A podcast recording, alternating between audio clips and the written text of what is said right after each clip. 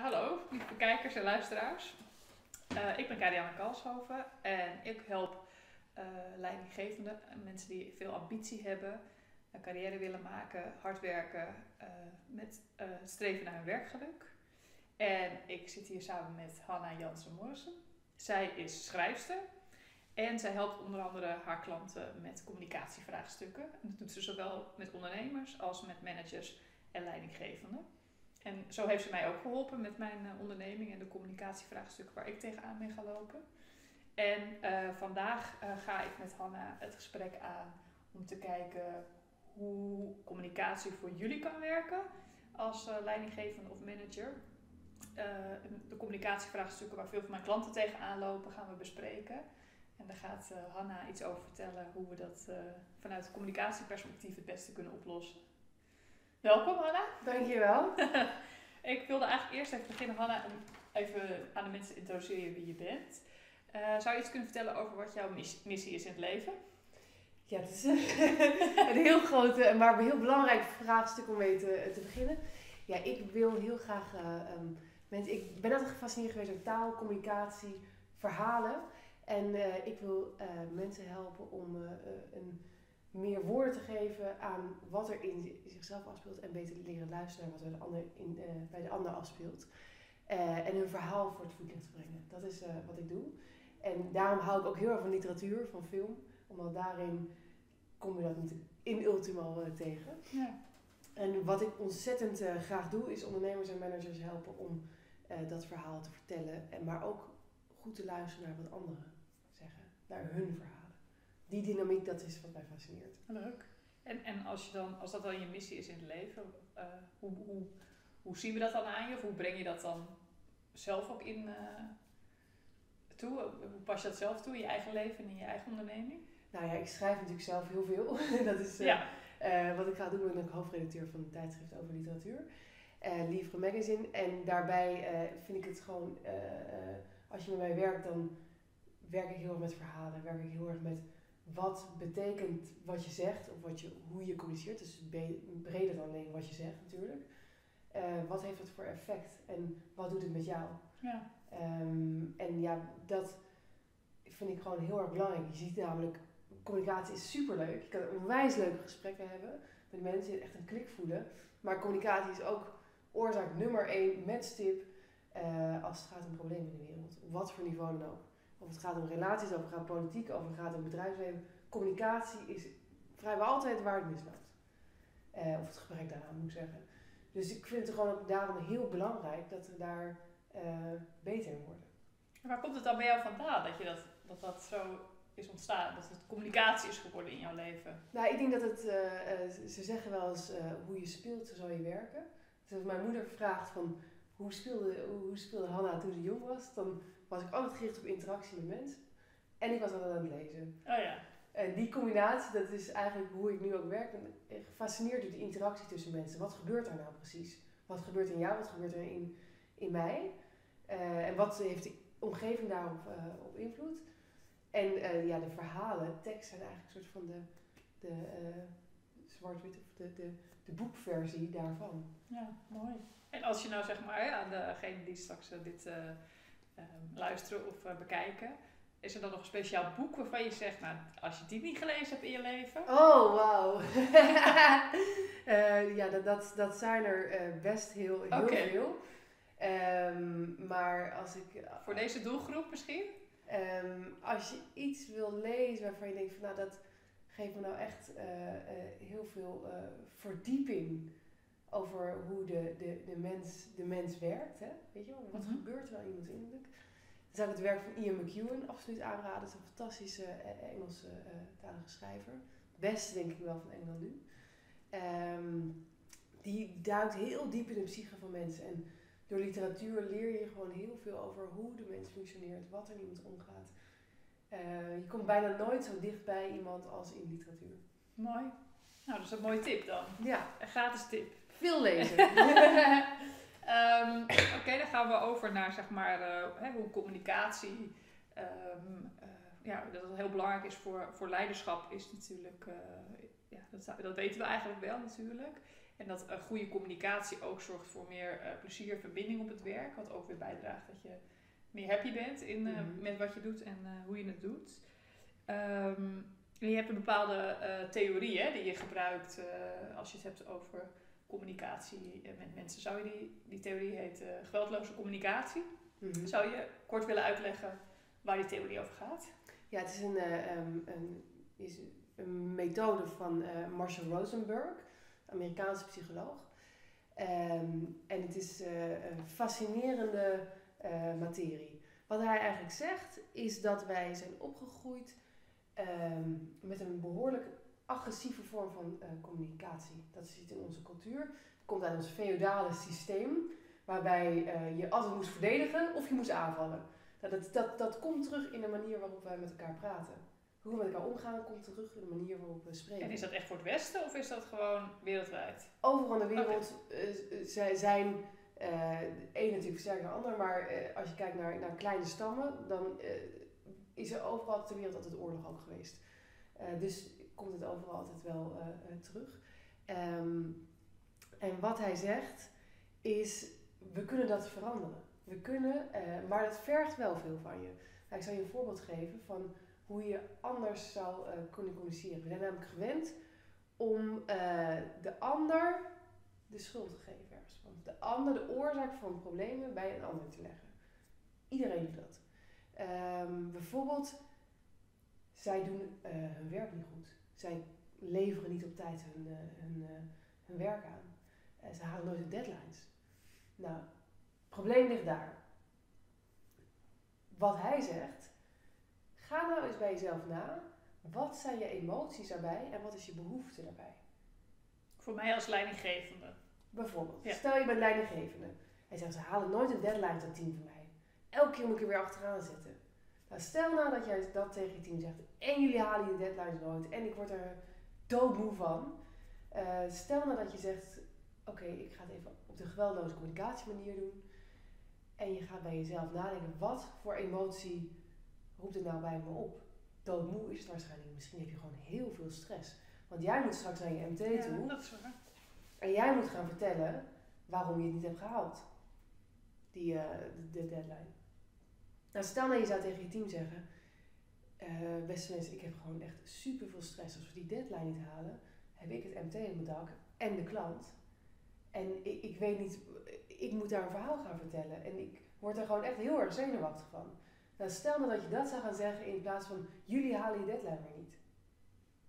Dat is een heel ander verhaal. Ja, geeft een heel andere energie, voel geeft ik al. een heel andere energie. En iemand zou dan misschien zeggen van ja, dat ik nou echt heel naar. Ik ga jou helpen. Ja. Weet je, je team zou gaan je helpen. Ja. In plaats van, en die manager die zit alles maar op ons dak en wij moeten altijd maar onze deadlines en die ziet niet hoeveel werk wij moeten verrichten. Ja. Dus dat is één ding wat de um, geweldloze communicatie van ga nou duik naar jezelf. Wat wat creëert die communicatie nou echt bij je? Mhm. Maar ook probeer nou bij die ander echt te doorgronden wat er nou bij diegene gebeurt. Ja, wat, wat de reden is dat hij de deadline niet haalt. Ja, wat, uh, en hoe voelt diegene zich daaronder? Is hij daar heel gelaten onder? Of is hij eigenlijk heel erg... Weet je, misschien...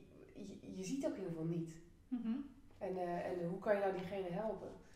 Um, dus, dus eh, technieken om te zorgen dat je die ander beter begrijpt. En dat je ze ook kan laten zien wat er met jou gebeurt. Nou, dan kom je, uh, Rosenberg, die, die, die, die methode heeft ontwikkeld, uh, die is in, in heftige oorlogsgebieden uh, geweest en heeft die, daar met stamhoofden en dergelijke, dat was dan in Afrika, heeft dat geoefend en gedaan. En ja, dat heeft echt wel heel erg resultaat geboekt. Dus dat mensen echt naar elkaar gaan luisteren. Dus het is wel heel, heel bijzonder werk heeft hij verricht daarin. Ehm, maar in elke situatie kan dat gewoon heel erg belangrijk zijn. Allerlaatste uh, aspect wat ik heel interessant vind van zijn methode is dat we ook naar onszelf toe heel agressief kunnen communiceren. Zwaar, ja. Waarom heb jij het afgelopen jaar nog steeds niet die promotie gemaakt? Waarom heb je nog steeds dat boek niet geschreven of wat dan ook? Je zijn daar best wel agressief naar jezelf toe. Ik kan hem ook omdraaien en zeggen van hé, hey, ik ga doelen stellen om, uh, om, om dat te gaan doen. Ja, precies. Dus liefdevol naar jezelf zijn. Ja. kijken, wat heb ik dan nodig? Ja. Om het wel te halen. Ja. In plaats van naar het, naar het niet te kijken. Exact. Ja, dat is mooi. En ehm, wat we graag willen is jullie eh, inspireren en ook empoweren om die geweldloze communicatie toe te kunnen passen. Ehm, zo had ik laatste vraag hè, van een CEO. Wat misschien een leuke, een leuk voorbeeld is om even te kijken of die geweldloze communicatie daar een antwoord op heeft. Ehm, en die CEO vertelde me van ik, ik, hè, ik, in essentie ben ik eh, graag een liefdevolle, begripvolle, coachende manager of leidinggevende. Dat is de stijl die ik het, het liefst hanteer. Maar ik merk, ehm, of ik voel me soms gedwongen eigenlijk, om toch hard in te grijpen. Om toch een beetje die met gestrekt been uh, erin te moeten. Hmm. Uh, heeft geweldloze communicatie daar een, uh, een, antwoord op? Of hoe je daarmee omgaat als uh, CEO? Ja, hij vindt het dus vervelend dat hij af en toe ja, acties van, moet nemen. Al, maar hij ziet ook van het. hij voelt dan dat is de enige manier om resultaat te krijgen. Ja. ja. Om te zorgen dat ze nu iets gaan doen. Ja. Ja, daar zijn dus verschillende manieren, of verschillende aspecten aan, moet ik zeggen. Eén is, soms moeten harde acties genomen worden. Ik zeg maar een reorganisatie. Soms moeten mensen eruit. De vraag is dan, um, moet je dat dan, hoe communiceer je dat dan? Ja, Wat ga je dan zeggen? Ga je dan zeggen, jongens moeten eruit en het is nu klaar en uh, uh, succes ermee? Of ga je ook aan zo iemand vertellen, wat doet het nou met mijzelf? En dan oprecht, hè? Niet zeggen van, ja, ik vind het super vervelend dat je, dat je eruit moet, bij wijze van spreken. Ja, precies. Maar uh, echt authentiek zeggen van, nou, ik vind het echt zo ontzettend moeilijk om te doen. Maar om deze redenen heb ik geen andere keuze. Mm -hmm. Ik zou het liever anders zien. En, um, en, en dat je ook aantoonbaar, want acties zijn ook, zijn ook communicatie. Hè? Dus op het moment dat jij zegt, ik, uh, ik, ik ga er alles aan doen om voor jou het, het, het beste te regelen, uh, het beste te organiseren, en je doet het niet, dan communiceer je daarmee ook ja. dat je eigenlijk, dat je eigenlijk niet, niet de waarheid hebt gesproken. Daarmee ondermijn je het vertrouwen ook weer. Ja. Maar als je dus zegt van, dit is de emotie die ik er zelf bij heb. Als je met iemand oprecht uh, het gesprek aangaat. Wat betekent het nou voor jou? Wat kunnen we, weet je, wat is jouw behoefte in de situatie die we hebben? Mm -hmm. Mijn behoefte is dat het, dat het voor het team zo goed mogelijk regelen. Ja. Ik kan een voorbeeld geven. Deze CEO heeft bijvoorbeeld een, uh, heeft als zijn direct report, is iemand die heel veel praat. En, uh, en daar heeft hij niet altijd geduld voor, zeg maar. Mm. Maar hij laat het dan te lang gaan. En op het moment dat het hem echt zo volledig irriteert, gaat hij dus hard erin. Ja. Uh, als een, om een voorbeeld te geven. Ja, wat interessant is dat we heel veel over processen praten in bedrijven. Hè, van uh, Bert moet dat doen en uh, Maarten moet dit doen. En weet je, dus over dat proces. Maar praten over hoe we met elkaar communiceren, over, over de communicatie op metaniveau, dat doen we eigenlijk heel weinig. Eigenlijk zou hij een soort time-out moeten nemen en zeggen, kom eens even hier, weet je, laten we even met z'n tweeën over, over, hierover praten. En zeggen van... Over hoe wij vinden dat dit gesprek verloopt. Ja, of, of doe dat met je team af en toe. Zeg af en toe van, hé, hey, uh, laten we een, een, een, een meeting gaan houden over hoe we met elkaar communiceren. Helemaal niet op een verwijtende toon van jij doet dit fout, jij doet dat fout. Maar meer zeggen van, hé, hey, dit doet dit met mij. Ik vind dat jij, um, uh, het, het, uh, het valt mij op dat je heel hard heel veel praat. Je kan observeren. Echt gewoon... Ja, precies. Gewoon Echt teruggeven wat Objectief gezien neem jij heel veel ruimte in ja. een vergadering. Ik merk dat dit het met mij doet. Ja. En mijn behoefte is dat we het uh, wat compacter kunnen doen. Ja. En dan geeft die ander ook de ruimte waarom. Uh, misschien zit hij, oh, daar was ik me helemaal niet van bewust. Of misschien is hij eigenlijk heel onzeker en overschreeuwt hij zichzelf een beetje om zichzelf een positie te geven. Wie weet. Ja. We weten niet, niet heel weinig van wat er in een ander omgaat. Ja, dus dat gaan we invullen hè, eigenlijk dan. Dan gaan we aannames doen. Ja. En gaan we denken van, oh ja, maar of, oh, we gaan weer zeggen van, hij doet dit. Ja, precies. Maar laten we een stap terug doen. Ja, dit betekent voor mij, wat gebeurt er in jou? Ja, is mooi, want ik zie ook veel, uh, bij veel van mijn klanten dat er veel vergaderd wordt. En dat is ook eigenlijk een van de eerste dingen die ik altijd bespreek van hoe effectief zijn die vergaderingen dan. Hè? Dus een andere CEO-klant van mij die, uh, uh, die zei ook dat ze met haar MT uh, 2,5 uur, 3 uur MT-vergaderingen heeft. En zij vindt het ook echt verschrikkelijk. maar ze, ja, ze zegt ook van de rest praat heel veel. We komen niet to the point. Mhm. Dus daar zou eigenlijk hetzelfde voor kunnen gelden. Om, om eens met elkaar in gesprek te gaan over hoe doen wij dat dan? Ja. Communiceren met elkaar. Ja. Hoe werkt dat dan? Ja. En, en ehm, als ik hem even in haar verplaats, dan zou haar rea- reactie zijn: ja, maar die mannen zijn niet zo heel goed in staat om aan te geven eh, wat het met hen doet of wat ze voelen. Dat, dat, daar hebben ze het eigenlijk niet zo heel erg over. ja. Maar dat is een aanname weer. Dat ze Ja, ze heeft het al een paar keer gecheckt. Het is gewoon iets wat, ja, wa- wat ze gewoon niet zo geleerd hebben in hun leven. Mm. En dus daar loop je dan denk ik ook wel tegenaan, of niet? Ja, Ken natuurlijk dat? zijn er mensen die, weet je, verandering is per definitie heel lastig. Patronen doorbreken. Dus dit, weet je, dat heeft een plek gekregen in je brein. Dus dat is, het is geen eh, eh, makkelijke eh, aangelegenheid. Per Mhm. definitie niet. Want het gewoon, het, het, het, maar op het moment dat we van elkaar bewust worden wat het met jou doet, wat het met mij doet. En kijken van, wat willen we met elkaar bereiken? Ook in hoe we met elkaar omgaan. Vinden jullie het prettig dat we zo lang eh, vergaderen? Kunnen we daar een andere manier voor vinden? Ja. Dat je daar ook gewoon pragmatisch naar gaat kijken, naar de processen. Want op het moment dat die processen, dat je die kunt veranderen, dat versterkt elkaar natuurlijk wel. Zeg van oké, we gaan eh één uur vergaderen, that's it. Je krijgt zoveel spreektijd. Als er nog iets, bepaalde onderwerpen parkeren we daarbuiten. Dus je kunt dan op die manier, kan je ook weer de communicatie verbeteren door die processen te veranderen. Ja, dat is ook een mooi. Dat is ook een wisselwerking dus. Ja. Ja. Ja. En ehm, hebben we, het, we hebben het nu een beetje over hè, gevoel. Hè? Dus, de, dus, dus durf ook aan te geven wat het met je doet. Hè?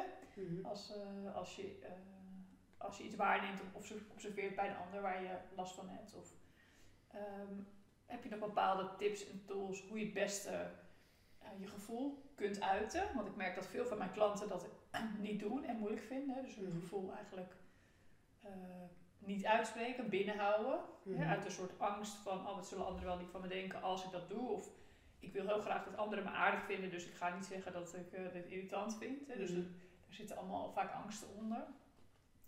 Eh, wat zouden tips kunnen zijn om toch, zeg maar, dat gevoel te, te, te gaan durven uiten?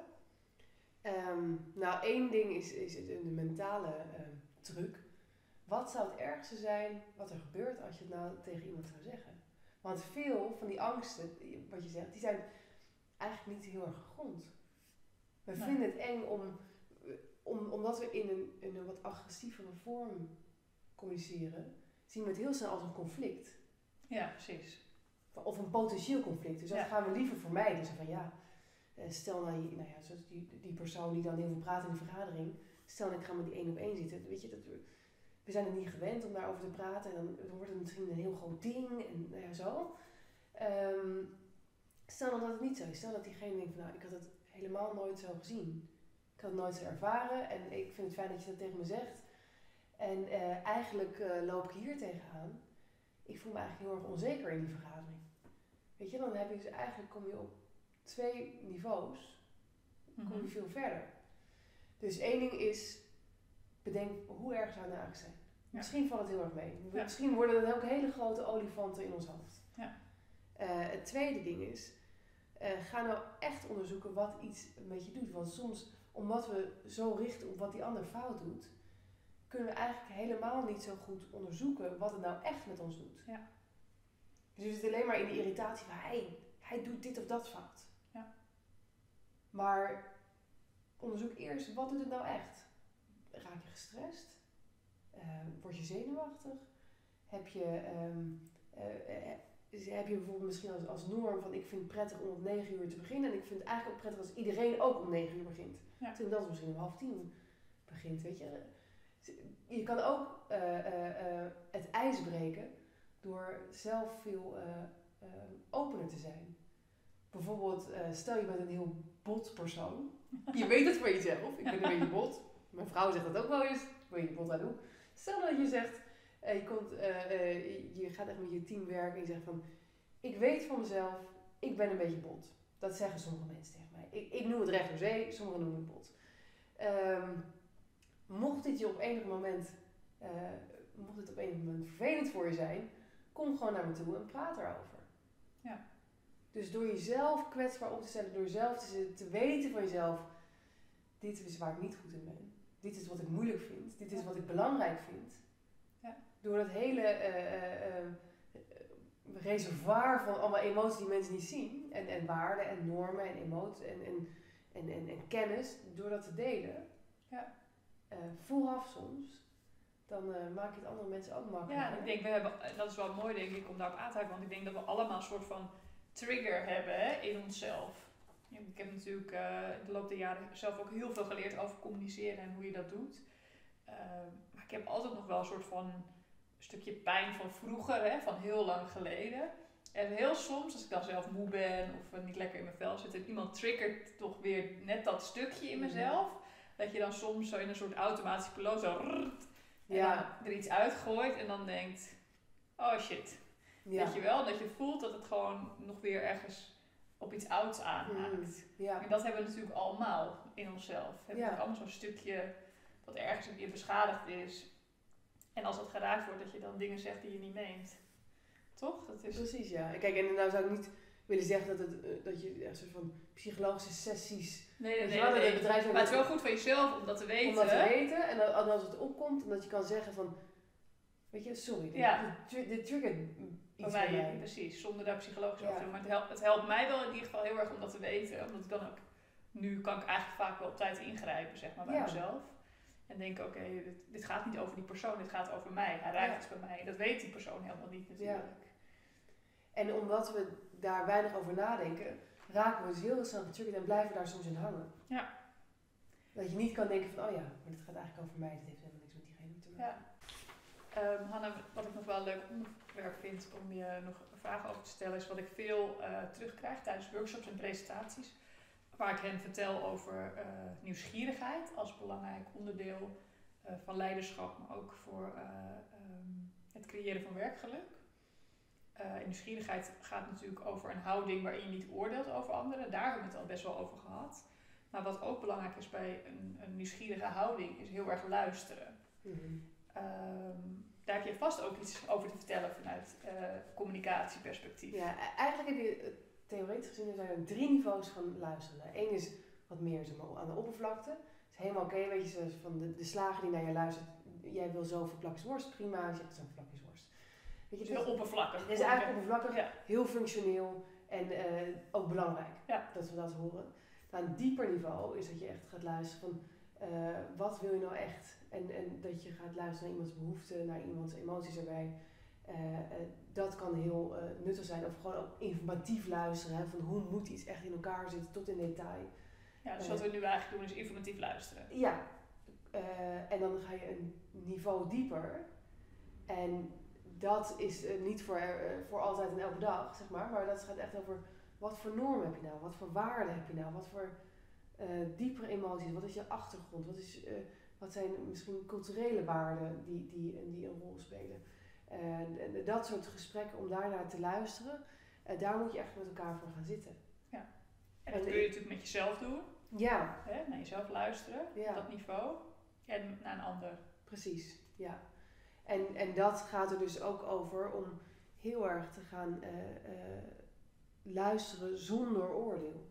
Ja. Dus we, gaan heel, we zijn heel erg geneigd om te luisteren van uh, dat we een beetje de, de situatie hijacken. Zo van, oh ja, jij vertelt dit over je vorige baan. Ja, toen ik bij mijn vorige baan was. En vervolgens komt een heel verhaal, een soort van monoloog. Weet je, dat is dus niet luisteren. maar het is echt even jezelf parkeren en horen, wat zegt die nou, diegene nou? Wat, hoor ik nou achter wat diegene zegt? Ja. Wat zit er nou achter? Als iemand zegt van, ik krijg zoveel stress van deadlines, bijvoorbeeld. Wat zit er nou achter? Ja. En, en hoe doe je dat dan? Want veel, van, veel, veel wat ik dan hoor als reactie is, ja, eigenlijk zeg maar, uh, heb ik al mijn eigen soort van uh, verhaal klaarstaan. Dus het lukt me mm. eigenlijk niet zo goed om naar jou te luisteren, want ik ben al zo bezig met mijn volgende vraag of met ik wil straks een punt maken, dus ik moet even wachten tot diegene stil is, want dan kan ik mijn punt maken. Mm -hmm. Uh, dat is wat ik veel terug hoor. Ja. Is daar nog een soort uh, tip voor of truc voor hoe je dat zeg maar uh, ja, dat uitzet? Is dat is interessant dat je dus eigenlijk je kans afwacht om je punt te gaan maken. Ja, zoiets eigenlijk. Ja. waardoor je dus eigenlijk niet luistert. Waardoor je dus niet luistert. Nee. Ja. Waardoor je dus eigenlijk hoort wat je wil horen om jouw verhaal te versterken. Ehm, en hoe zet je dat? Kun je dat uitzetten? dat kan, voor, kan, kan soms heel moeilijk zijn. Hè? Als je denkt van, ik, ik zie dat diegene dat zegt, maar eigenlijk wil ik dit nog zeggen eigenlijk? Weet je wel? Dat je, en dan ehm, probeer, hem, uh, probeer dat ook te benoemen. Waarom, waarom zou je het niet benoemen? Zeg van, mag ik je heel even onderbreken? Want ik vind het moeilijk om te luisteren, want ik wil eigenlijk een punt maken. Oh ja. En eigenlijk eh, vind ik dat misschien niet heel sympathiek voor mezelf. Ehm, maar ik wil het even eruit hebben, zodat ik echt naar je kan luisteren. Ja. Ja, ik vond het eigenlijk wel fair als je dat zo zegt. Ja. Ja, en zou bijvoorbeeld, wat ik dan ook uh, voor beeld erbij krijg, is het gewoon even opschrijven. Ja. In één of twee steekwoorden. Zodat je nu kan luisteren en zodat je straks nog even door weer daarnaar te kijken en weer weet wat je punt was. En, en benoem dat ook. Zeg van, vind je het goed als ik, als ik je even twee seconden onderbreek? Ik wil heel even iets opschrijven, want dat wil ik je straks nog vragen. Ja, nog mooier eigenlijk hè? Ja, dus we zijn heel weinig gewend om ons eigen gedrag op een meer metaniveau terug te geven. Terug te geven. Ja, dat is wel mooi, ja.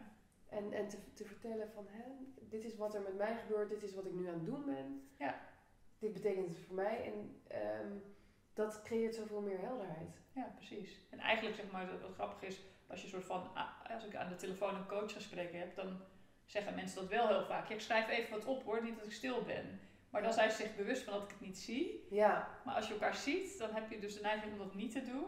Terwijl het heel mooi is om dan ook even te zeggen van ik schrijf heel even iets op. Ja, want het kan net zo goed uh, ongeïnteresseerd over, over Ja, precies. Ja, want eigenlijk, we zijn een soort van krokodillen in een soort van de Florida, uh, of alligators zijn er daar, die dan met alleen hun hoofd, uh, hun ogen boven water uitsteken. Heel veel zien we niet. We weten niet wat er in die ander omgaat. Als iemand heel gestrest de, de, de vergaderkamer inkomt en je denkt van, is dat nou weer, uh, wat is dat nou voor, voor gedoe? Kom dan gewoon op tijd. Ja. Dan misschien heeft hij, is er iets ergs gebeurd. Weet je, je weet niet wat er speelt. Misschien heeft iemand een heel vervelend patroon, is die altijd te laat, had hij zijn deadlines nooit, of wat dan ook. Je weet niet wat erachter speelt. Ja. We maken voortdurend aannames, en dat is logisch dat we aannames maken, want anders zouden we niet overleven. Je moet aannames maken. We zijn, omdat je, je moet snel een indruk kunnen maken van, is het, is het hier gevaarlijk of niet? Dat zit erachter, evolutionair. Maar die, die tactiek die werkt niet altijd in de situatie waarin we, ons, waarin we nu werken. Ja, omdat, omdat het verschil natuurlijk is in het overlevingsperspectief gaat het over onveiligheid. Ja. En hoe onveilig is het op de, op de werkvloer? Ja. Is daarin natuurlijk een belangrijke. Want als het gewoon veilig is, zou dat niet nodig hoeven zijn. Precies. En je kan dus iedereen door helder te zijn, uh, kan je dus veel meer uh, veiligheid creëren op de werkvloer. Ja. want dat is natuurlijk dan wel belangrijk. Ja. En, we, en we, we zijn geneigd om dan te zeggen, uh, het is nog niet onveilig, dus ik doe dat nog niet. Mm. Terwijl dus eigenlijk is het andersom. Ja. En we creëren veiligheid door dat wel te doen. Precies. Het, heeft, het gaat natuurlijk twee kanten op. het, het een versterkt het ander. Ja. Als jij ermee begint, dan kan je, dan kan je natuurlijk zeggen van, ja, maar moet ik daar nou beginnen? Nou, iemand moet het doen. Waarom jij niet? Ja, precies. Durf daar ook dan leiderschap in te nemen. Ja. Hè? Dat is dan wel belangrijk. Ja. Zeker voor leiders is het belangrijk om de eerste stap te zetten. Ja, en het geeft gewoon, het levert ook veel op. Hè? Ik denk dat dat ook wel belangrijk is om mm. te blijven benoemen. En dat, dat als je dat doet, levert het ook veel op. Dus het, eh, duidelijkheid, een stukje rust, een stukje werkplezier. De samenwerking gaat beter. Dus ja. de effectiviteit wordt ook beter. Dus het levert ook echt wel heel veel op door dat Zeker. te doen. Ja. Het is niet alleen maar leuk. Nee, nee, het is nee. echt heel effectief. Ja, nee, je ziet dus bedrijven die, die helder en goed met elkaar communiceren, die daar opener zijn, die functioneren gewoon veel beter. Ja, en die veiligheid is ook echt wel belangrijk. En ik, ik, ik had een uh, MTDT-sessie uh, een aantal maanden geleden. En het vervelende was dat er was iemand ziek. En ze hadden mij wel eerlijk verteld wat er aan de hand was. Maar daar startte de sessie met, ja, die en die is ziek, dus die is niet aanwezig. En het vervelende is dat iedereen eigenlijk wel soort van voelde dat het, dat het niet klopt, het verhaal. Mm -hmm. Dus dat creëert dan meteen een hele onveilige setting. Ja. Uh, waarin je dus eigenlijk al 10-0 met 10-0 achter ja. begint. En dan merk je ook dat daar dus, uh, dat zij, die, die directeur vond het dus ingewikkeld om daar eerlijk en open over te zijn. Mm -hmm. uh, maar het creëert dus ook een hele onveilige setting. Ja. ja, wees eerlijk en transparant, want je communiceert niet alleen met de dingen die je zegt. Op alle niveaus interpreteren mensen voortdurend de boodschappen. Hoe Ja. je beweegt. eh, op welke manier je zet. Op welke patronen er zijn. Iedereen interpreteert voort- voortdurend. Dat is hoe we zijn hoe we belogen zijn gewired, om het zo maar te zeggen. Om voortdurend dat allemaal te interpreteren. En als mensen, die gaan dat voelen dus. Want die gaan, die, die gaan niet alleen maar luisteren naar wat je zegt. Die gaan ook naar andere dingen luisteren. Dus op andere niveaus voelen ze eigenlijk wel hè, dat het niet klopt. Ja. En dan die ziek zijn, weet je wel. Het is niks waar, op wijze. Ja. Hij was er gisteren nog. Ja. Weet je wel, dat soort dingen. Oh ja, we hebben wel gezien dat hij uh, in een hokje zat van de week met HR en de, en, en de directeur. Exact. Dat gaat allemaal meespelen, dus onderschat dat niet. En wees, je kan dan veel beter eerlijk zijn. Ja. Ja, dat uh, was ook mijn mening, maar goed, dat, uh, dat is altijd lastig. En dat is lastig omdat wij in een werkcultuur zitten waar we hoofd om hoofd moeten houden en, en, eer, en, en, en, en, en een bepaalde rol moeten aannemen soms. Of dat, dat denken dat we dat moeten doen. Ja. Uh, dat wel dat het misschien helemaal niet nodig is. Nee. En dat wat, wat natuurlijk dan spannend is, is dat dus ook niemand van uh, MT, de andere MT-leden uh, iets durfde te zeggen over eigenlijk geloven we het niet. Hè? Dus mm. daar zit natuurlijk dan ook weer de wisselwerking in. Ja. En dat heb ik later ook weer teruggegeven. Mensen die bij mij kwamen en zeiden van, goh, eigenlijk geloofden we dat niet. Ja. ik van, goh, wat maakt dan dat je niks hebt gezegd? Ja. ja want dat is natuurlijk ook interessant. Mm -hmm. Maar daar, daar, gaat dus dan die onveiligheid over. Ja, ja. En dan ontstaat op een gegeven moment een cultuur. Een cultuur, ja. Waar, waarin bepaalde dingen wel of niet kunnen. Ja, precies. Dus dat, heb je dan te doorbreken. Maar het zou mooi zijn als je dat gewoon zelf doet natuurlijk. Ja, ja zeker. Dat is, uh, ja, dat is heel belangrijk. Want Um, mensen weten veel meer dan, voelen veel meer, weten veel meer dan dat je soms uh, ziet. Ja, precies. En die, die... Of gaan het ook verkeerd interpreteren, hè? Ja, dat kan ook. Dus omdat je denkt van, hé, er is iets aan de hand, maar ik weet niet wat het is, dus dat, dat zal wel zo zijn. Verkeerde nou, conclusies je... trekken aan dat wat, wat ze ja, onder water voelen. Voor je het weet uh, gaan er alle verhalen rond. Dus, nou ja, je weet, dat helpt ook niet mee. Nee, nee, dat, nee. En dan gaat die energie zitten in die verhalen, terwijl die energie ook in iets anders zou kunnen steken. Ja, gewoon in de business. Bijvoorbeeld. Ja, dat is een mooie, ja. Um, Hanna, is er, is er nog iets uh, uh, wat we nog niet hebben besproken? Waarvan je zegt van, goh, nou, dat zou wel echt voor deze doelgroep uh, heel belangrijk zijn om te weten als het gaat over communicatie? Nou ja, ik denk dat mensen, als het gaat over communicatie, dan onderschatten hoe belangrijk je eigen rol daarin is. Dus het gaat heel erg van, ik moet die overtuigen of ik moet zus en zo doen. Nee, begint met zelfreflectie. Het begint met zelfkennis. Wat vind je, wat zijn je eigen waarden? Wat zijn je eigen normen? Wat zijn je eigen ervaringen? Vanuit welke positie handel je? Doe je dingen? En als je dat weet, kan je dat ook helder naar anderen vertellen. Dit is waar ik sta. Ja, precies.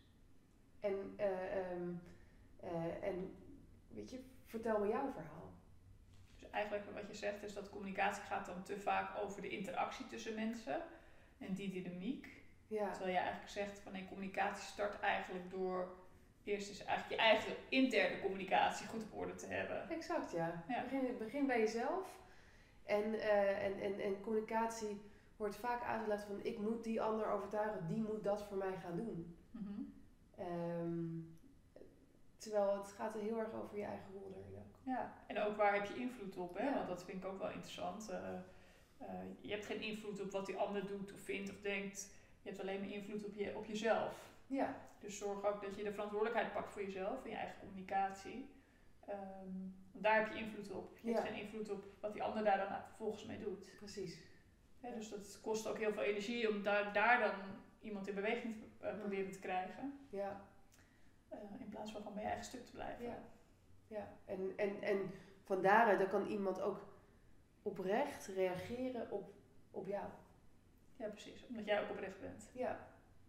En, en durf kwetsbaar te zijn.